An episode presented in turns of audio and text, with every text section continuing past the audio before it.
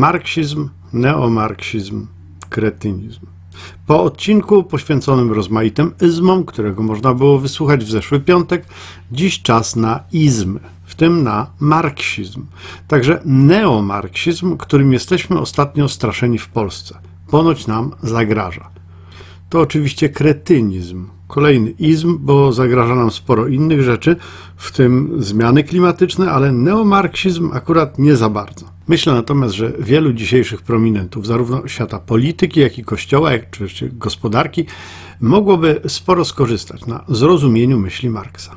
Marksizm oraz marksizm i leninizm były w miarę jeszcze popularne w czasach mojego bardzo wczesnego dzieciństwa. Jednak nawet już wtedy miały urok wątpliwy, były jakieś takie wypłowiałe i pozbawione blasku. Owszem, były pewnymi ozdobnikami we wszechogarniającej szarzyźnie, można było na bazie tego przebrzmiałego kultu marksizmu-leninizmu robić sobie dowcipy. Do najbardziej znanych należały. Do malowideł przedstawiających płomiennie przemawiającego Lenina, a zatytułowanych Lenin w październiku, jak to niby rozniecał on ową płomienną mową ogień rewolucji, domalowywano tekst, by tytuł w całości brzmiał Lenin w październiku, a koty w marcu. Tu oczywiście żart był nieco zoologiczny, bo żeby się uśmiechnąć, trzeba wiedzieć, co robią koty w marcu. Wierzę, drodzy słuchacze, że wy wiecie. Inny taki dowcip, który przypomniał mi się przy okazji akcji lotnej brygady opozycji, która rozwiesiła na tzw. Tak smoleńskich schodach wielką flagę Unii Europejskiej. Otóż w Nowej Hucie stał pomnik Lenina, na którym stał on w rozkroku z wyciągniętą przez siebie ręką. Dowcipni i dość odważni obywatele PRL pod osłoną nocy wstawili mu między te nogi stary rower. Na wyciągniętej ręce powiesili parę starych butów związanych sznurowadłami, a na pomniku napisali Masz rower i buty z pier... z Nowej Huty. Takie to były zabawy. Początek lat 90. odesłał Marksa do Lamusa i od tej chwili pozostał on pewnym marginalnym elementem niektórych kursów ekonomii. Taką ciekawostką. Marxism is dead. Choć nie całkiem, bo moi studenci z dawnych lat mogą pamiętać, jak o marksizmie ich uczyłem, pokazując, że widział on rozmaite rzeczy inaczej, ciekawie, nie zawsze słusznie, ale że nie był też kompletnym stekiem bzdur, tak jak chciano w to wierzyć w barwnych latach 90. ubiegłego wieku. Można na przykład pochylić się nad koncepcją bezrobocia technologicznego, którą znajdujemy u Marksa. Niegdyś wierzono, że postęp techniczny niszczy miejsca pracy, ale tworzy nowe. I dzięki temu postęp ten poprawia nam warunki życia, nie zagrażając jednocześnie miejscom pracy, nie tworząc bezrobocia. Dziś już wiemy, że bezrobocie technologiczne może być największą zmorą naszych gospodarek w perspektywie najbliższych dekad. To zresztą też temat na dość fascynujący odcinek. Jeśli chcecie o tym posłuchać, dajcie znać w komentarzach. Ja jednak dziś chcę Wam opowiedzieć o marksizmie e, w szerszym kontekście. Opowiem o tym, jak marksizm tłumaczył poszczególne fazy rozwoju społeczeństw. Marks chciał wytłumaczyć, jak narodził się feudalizm, dlaczego feudalizm został zastąpiony przez kapitalizm oraz dlaczego kapitalizm musi ustąpić miejsca komunizmowi. Chcecie wiedzieć?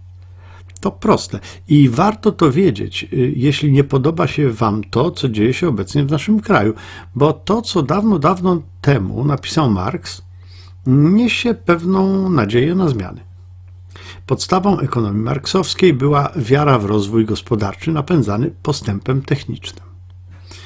Marks słusznie wierzył, że postępu technicznego nie można zatrzymać. Postęp techniczny wedle Marksa powodował stałe zmiany tzw. Tak sił wytwórczych. Siły wytwórcze to w uproszczeniu ludzie wraz z ich kwalifikacjami i stosowanymi przez nich środkami produkcji.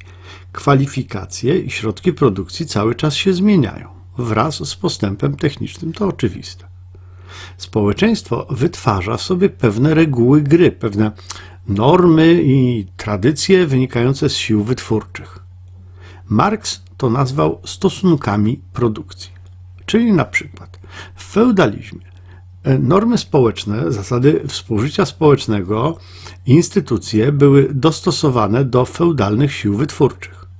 Podobnie jak w kapitalizmie, kapitalistyczne reguły gry, czyli stosunki produkcji, są dostosowane do kapitalistycznych sił wytwórczych. Można by powiedzieć, że siły wytwórcze są korzeniem, z którego wyrastają pień i gałęzie stosunków produkcji. Czyli reguły gry w społeczeństwie są zakorzenione w siłach wytwórczych. Dodatkowo społeczeństwo wytwarza tak zwaną nadbudowę. Na nadbudowę składa się według Marksa m.in. filozofia, prawoznawstwo, y, kultura, sztuka, religia. Ich zadaniem, ich celem jest zachowanie niezmienności reguł gry w społeczeństwie, utrzymanie status quo. Czyli mamy trzy elementy. Siły wytwórcze, które ciągle się zmieniają pod wpływem postępu technicznego, którego nie można zatrzymać, i to są korzenie dla stosunków produkcji. Mamy stosunki produkcji, które są regułami gry w społeczeństwie, oraz mamy nadbudowę, która dba o trwałość tych reguł gry. Dlaczego feudalizm upadł na rzecz kapitalizmu, a kapitalizm musi upaść na rzecz komunizmu? Bo przecież siły wytwórcze, korzenie ciągle się zmieniają, są coraz mniej dopasowane do stosunków produkcji, czyli do reguł gry. Ale reguły gry nie mogą się dostosować, bo blokuje je nadbudowa system prawny, przepisy, kultura, religia, tradycja to wszystko każe trwać przy niezmiennych regułach gry, choć nie pasują one już do społeczeństwa i jego funkcjonowania. W pewnym momencie rozbieżności między siłami wytwórczymi a stosunkami produkcji są tak wielkie, że nadbudowa nie jest w stanie utrzymać dotychczasowych reguł i wybucha rewolucja, która wszystko zmienia. Wracając do metafory drzewa i korzeni, Korzenie tak bardzo się przesunęły, że drzewo się przewraca. Dobra, czas na odniesienie do bieżącej sytuacji w Polsce. Przez ostatnie 30 lat przeszliśmy długą drogę w sferze gospodarczej. Pod tym względem Polska zmieniła się nie do poznania. Pod względem społecznym zmiany są znacznie mniejsze. Dlaczego? Być może ze względu na nadbudowę. Zastanówcie się, czy to, co tworzyło nadbudowę u Marksa, system prawny, przepisy, kultura, religia, tradycja nie konserwuje stosunków produkcji w takim społecznym, a nie ekonomicznym sensie, może sobie biskup Jędraszewski złorzeczyć na Netflixa, ale przecież młodzi ludzie są dziś zdecydowanie inni niż byliśmy my. Mówię w imieniu pięćdziesięciolatków, a przecież rządzą nami starsi niż ja. Zarówno Tusk, jak i zwłaszcza Kaczyński są sporo starsi, o biskupie Jędraszewskim nie wspominając nawet. Młodzi chcą swoje życie przeżyć inaczej niż ich rodzice czy dziadkowie. Jak na tę chęć reaguje nadbudowa? Drastyczne ograniczenie możliwości dokonywania aborcji? Przecież nie jest ono wymierzone w emerytki, tylko w młode dziewczyny.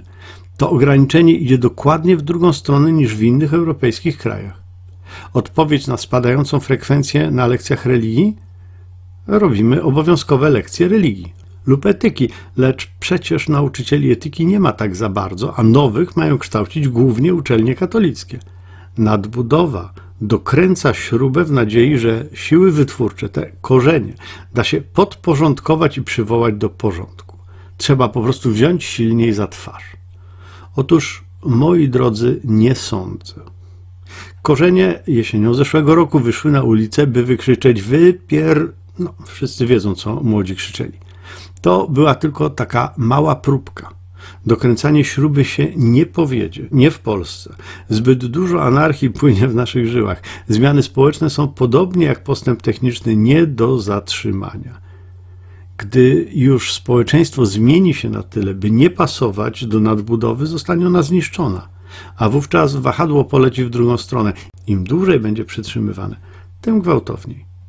I szkoda, bo wszelka przesada jest niezdrowa. Zatem zmiany są nieuniknione. Kiedy zajdą, to chyba wszyscy chcielibyśmy wiedzieć, niezależnie od tego, czy nam się te zmiany podobają, czy też nie. Do usłyszenia.